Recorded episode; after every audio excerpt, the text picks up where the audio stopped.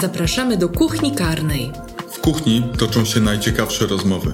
My będziemy mówić O przestępstwach gospodarczych, o compliance, o zatrzymaniach, o aresztach, o korupcji w biznesie, o oszustwach, o sygnalistach, o nadużyciach, o karuzelach VAT, o cyberprzestępczości. o przeszukaniach. Rozmowy o prawie karnym w biznesie. Zapraszamy co tydzień. Katarzyna Randziostajkowska, Michał Opala, Kancelaria SKS.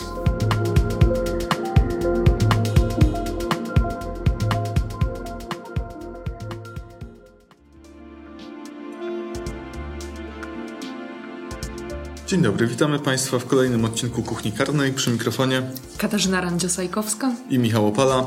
E, Tematem dzisiejszego odcinka będzie zatrzymanie i wszystko to, co dzieje się później, przedstawienie zarzutów osobie podejrzanej, e, skierowanie wniosku o zastosowanie tymczasowego aresztowania, a także inne dolegliwości, które mogą się wiązać z uzyskaniem statusu y, podejrzanego, przepraszam, e, w ramach postępowania karnego. No to w sumie jest ciekawe, czy podejrzany może być pokrzywdzony.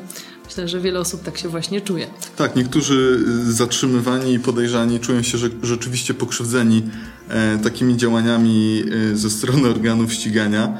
E, trochę opowiemy, dlaczego mogą się czuć e, niekomfortowo. A jeżeli to jest uzasadnione, to jak reagować? Dokładnie tak. E, czyli co, zaczynamy od e, tego. Zaczynam od 6 rano, bo Czym jest zazwyczaj to zatrzymanie? się dzieje o 6 rano. Tak, rzeczywiście zatrzymania bardzo często zaczynają się, po pierwsze są niespodziewane i, i mają miejsce o 6 rano. To jest pierwszy moment w czasie dnia, kiedy może dojść do zatrzymania. E, chyba, że mamy sytuację nadzwyczajną, ale wejście do miejsca zamieszkania ze strony e, służb e, może właśnie nastąpić o tej godzinie 6 i najczęściej realizacja, bo tak fachowo e, o tym mówią policjanci i, i funkcjonariusze, ma miejsce o godzinie 6 rano. To ma na celu po pierwsze łatwiejszą koordynację działań osób, które zatrzymują, no a po drugie jest to jakaś gwarancja tego, że osoba, która ma zostać zatrzymana, zostanie zastana pod, pod adresem w domu, nie będzie stawi- stawiała oporu, bo najczęściej większość śpi. Chociaż ostatnio rozmawiałam z prokuratorem, który wyraził taką swoją opinię, że byłoby wspaniale, gdyby realizacje zaczynały się o 10. Wszystkim by to życie ułatwiło. I tak pierwszego dnia, e, jeżeli mamy w perspektywie stawianie zarzutów i e, ewentualne wnioski o zastosowanie tymczasowego aresztowania, to pierwszego dnia nic się nie dzieje. Oprócz tego, że zatrzymany jest przewożony, gdzieś konwojowany i, i zazwyczaj zarzuty są stawiane drugiego dnia. I tak mówi ten prokurator, przecież wszystkim nam by to dało więcej o te 4 godziny e, na właśnie napisanie wniosku o areszt, potem sądowi, tak wszystko, te 4 godziny do przodu to bardzo dużo, pani mecenas Chyba najbardziej niezadowoleni byliby policjanci, którzy musieliby prowadzić obserwacje i później, wiesz... Się z- koordynować, od 6 koordynować do i 10. zatrzymywać 10 No osób tak. w korkach y, w środku miasta. Myślę, że to nie przejdzie. No Ale więc to właśnie piękna to, perspektywa to, były, to były marzenia prokuratora i... O, Piękna no, perspektywa, ale to dla nas też byłoby, wiesz, bardziej komfortowe. no nie brał, przestałbyś brać telefon pod prysznic, nie? tak. No tak to bierzemy. I to mówimy całkiem serio, tak? My wstajemy rano i telefony mamy włączone całą noc, nie wyłączamy ich. E, Więc y, żyjemy w e, takim zawieszeniu codziennie, mniej więcej między 6 a 8, czy nic się nie zdarzyło. Tak, kiedyś taki y, funkcjonariusz mnie wydzwonił, przepraszam, zadzwonił do mnie w związku z zatrzymaniem klienta y, i bardzo szybko przeszedł do rzeczy i y, pyta, czy znam adres. Wiesz, byłem taki kompletnie zaspany, myślałem, że jemu chodzi o mój adres, pod którym przebywam, a nie adres, pod który mam przyjechać. No, śmiałem się z tego cały dzień później. No ja z kolei kiedyś, przepraszam tutaj za taką prywatę, ale myślałam, że uduszę kolegę z liceum, który po latach, jak się potem okazało, po prostu za mną zatęsknił w środku nocy, bawiąc się gdzieś dobrze na imprezie. Natomiast ja wyczulona na to, że jeżeli ktoś dzwoni do mnie rano, to znaczy, że to musi być coś, czy nad ranem, tak? A, a, a o tej porze roku chociażby jest jeszcze ciemno, więc dla mnie to noc. Y, I y, wyczulona na to, byłam pewna, że coś mu się stało, że powinnam natychmiast gdzieś jechać, pomagać mu, reagować. Tak? A on się po prostu ze mną stęsknił, chciał ze mną porozmawiać. Taki rozczulony Tak. o 6.15 zadzwonił. Tak, właśnie tak. Okej.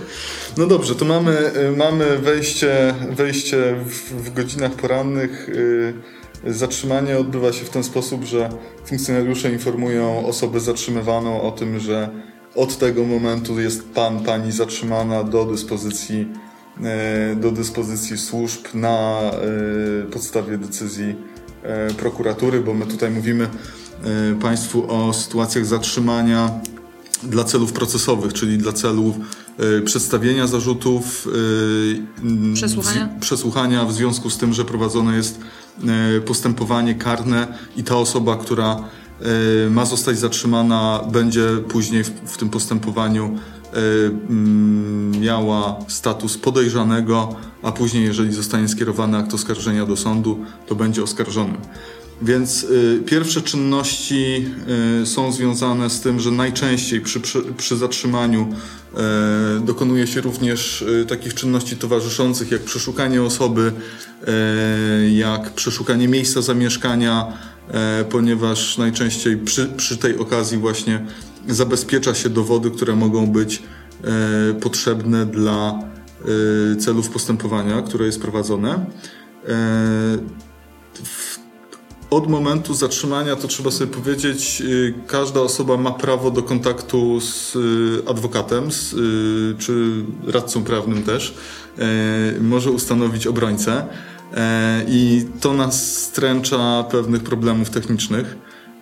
Nie wiem, czy spotkałaś się w swojej praktyce z takimi historiami, gdzie osoba zatrzymana nie miała de facto możliwości skontaktowania się z adwokatem? Tak, spotkałam się z takimi sytuacjami. One wynikają z różnych powodów. Jednym z nich jest taki, że po prostu niektórzy nie są przygotowani na to, że będą potrzebowali obsługi prawnej albo obsługi prawnej w tym zakresie i nie wiedzą do kogo zadzwonić. W takiej sytuacji najczęściej e, e, inicjatywę przejmuje ktoś najbliższy, rodzina, ponieważ obrońcę może ustanowić dla e, podejrzanego, dla zatrzymanego również osoba najbliższa. Znaczy każda osoba, tak? Każda, każda osoba, tak. Każda osoba w praktyce, osoba najbliższa, najbliższa. rzeczywiście E, ustanawia obrońcę dla, dla zatrzymanego. Ja spotkałem się jeszcze z taką kuriozalną historią, którą relacjonował mi znajomy e, adwokat, któremu odmówiono, którego klientowi odmówiono prawa do skontaktowania się z tymże adwokatem, z tego względu, że w telefonie komórkowym miał zapisany e, kontakt do, do tego adwokata, natomiast było to tylko imię i nazwisko i nie było wpisane, że jest to adwokat. No i z tego właśnie powodu, po pierwsze, dobrze jest mieć adwokata jakiegokolwiek, z którym będzie można się y, skontaktować w tym pierwszym momencie po zatrzymaniu, a po drugie, jeżeli już ustalimy do niego kontakt, to należy wpisać go w komórce jako adwokat, potem nazwisko z tym tytułem, żeby nie budzić wątpliwości służb, które nas zatrzymują, a po drugie, dobrze jest ten numer mieć zapisany również w jakimś innym, łatwo dostępnym miejscu, nie tylko dla siebie, ale i dla rodziny. Może nie aż na lodówce, żeby nas nie straszył codziennie rano, ale, ale w jakimś umówionym miejscu.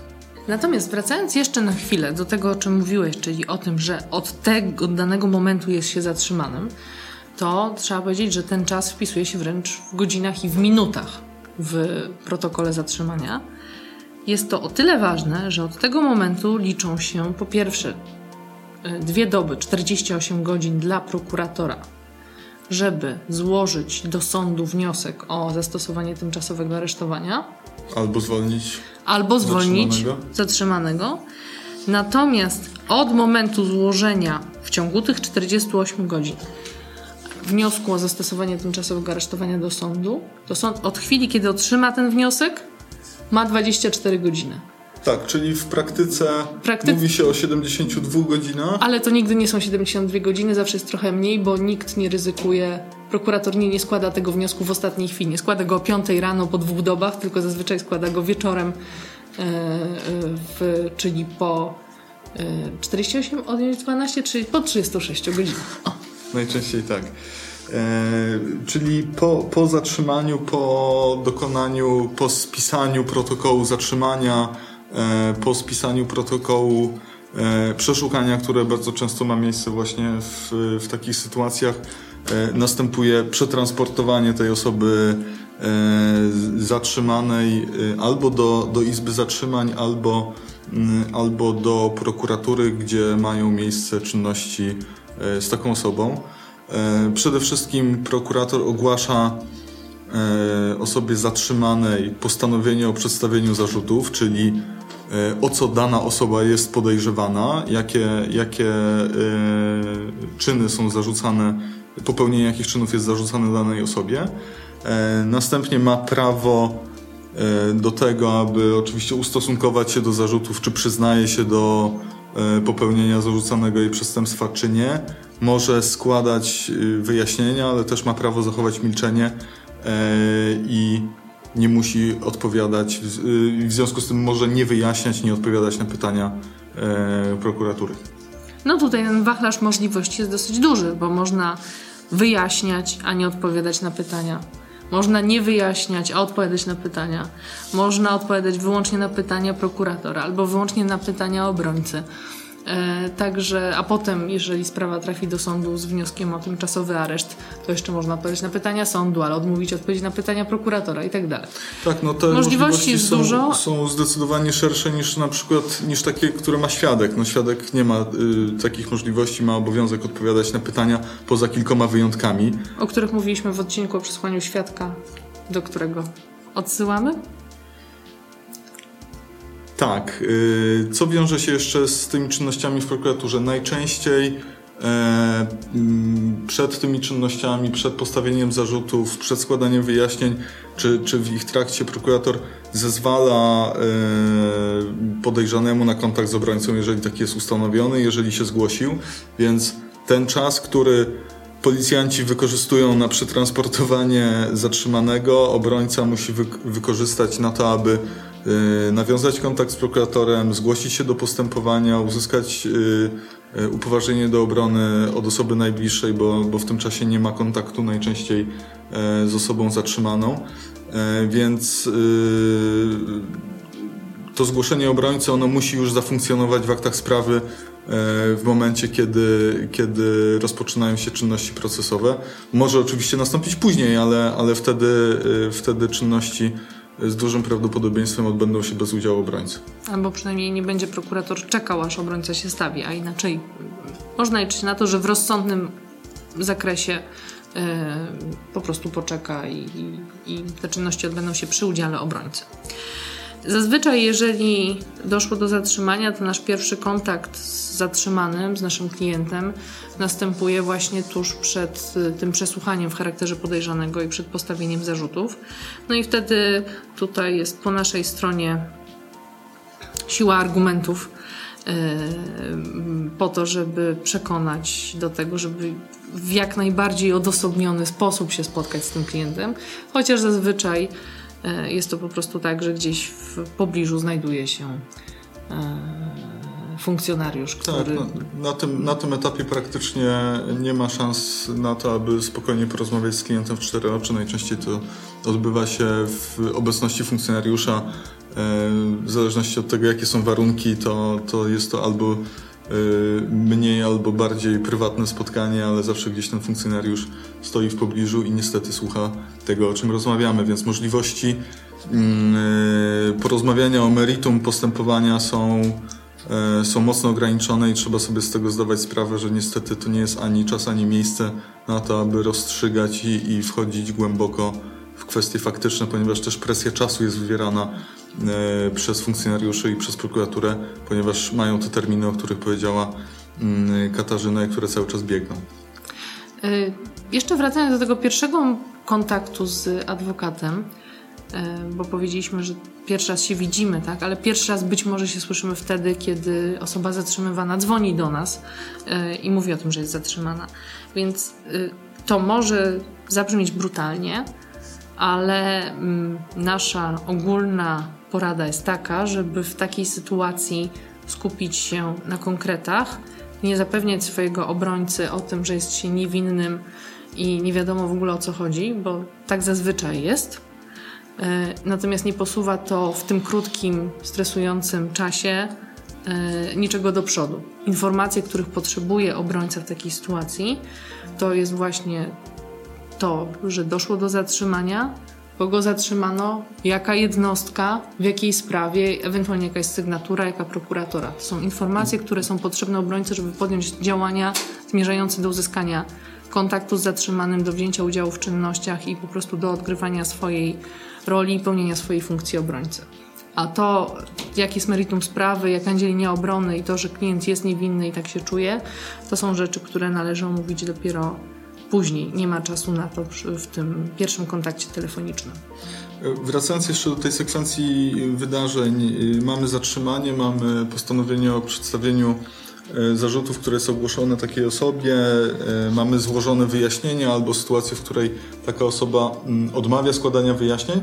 E, I najczęściej po tych zdarzeniach prokurator podejmuje decyzję w zakresie tego, co dalej z, taki, z takim podejrzanym zamierza zrobić. Czy zamierza stosować e, jakieś środki zapobiegawcze, czyli takie e, mechanizmy, które mają e, zapewnić to, że podejrzany nie będzie utrudniał postępowania, nie będzie się ukrywał, nie będzie, nie będzie uciekał. Przez utrudnianie postępowania najczęściej rozumie się mataczenie, czyli ukrywanie dowodów, y, zacieranie śladów, wpływanie na świadków, na współpodejrzanych. E, I mamy szereg różnych instytucji, mm, które, po które może sięgnąć prokuratura w takiej sytuacji. E, najbardziej znaną jest y, wniosek o zastosowanie tymczasowego aresztowania, bo... Bo i najbardziej dolegliwą. Tak. Y, I, i, I tu trzeba pamiętać o tym, że tymczasowe aresztowanie nie jest stosowane przez prokuratora, tylko właśnie na wniosek prokuratora jest stosowane przez sąd, który ma 24 godziny na rozpoznanie takiego wniosku, co jest bardzo krótkim terminem, e, ale tak mamy skonstruowane przepisy.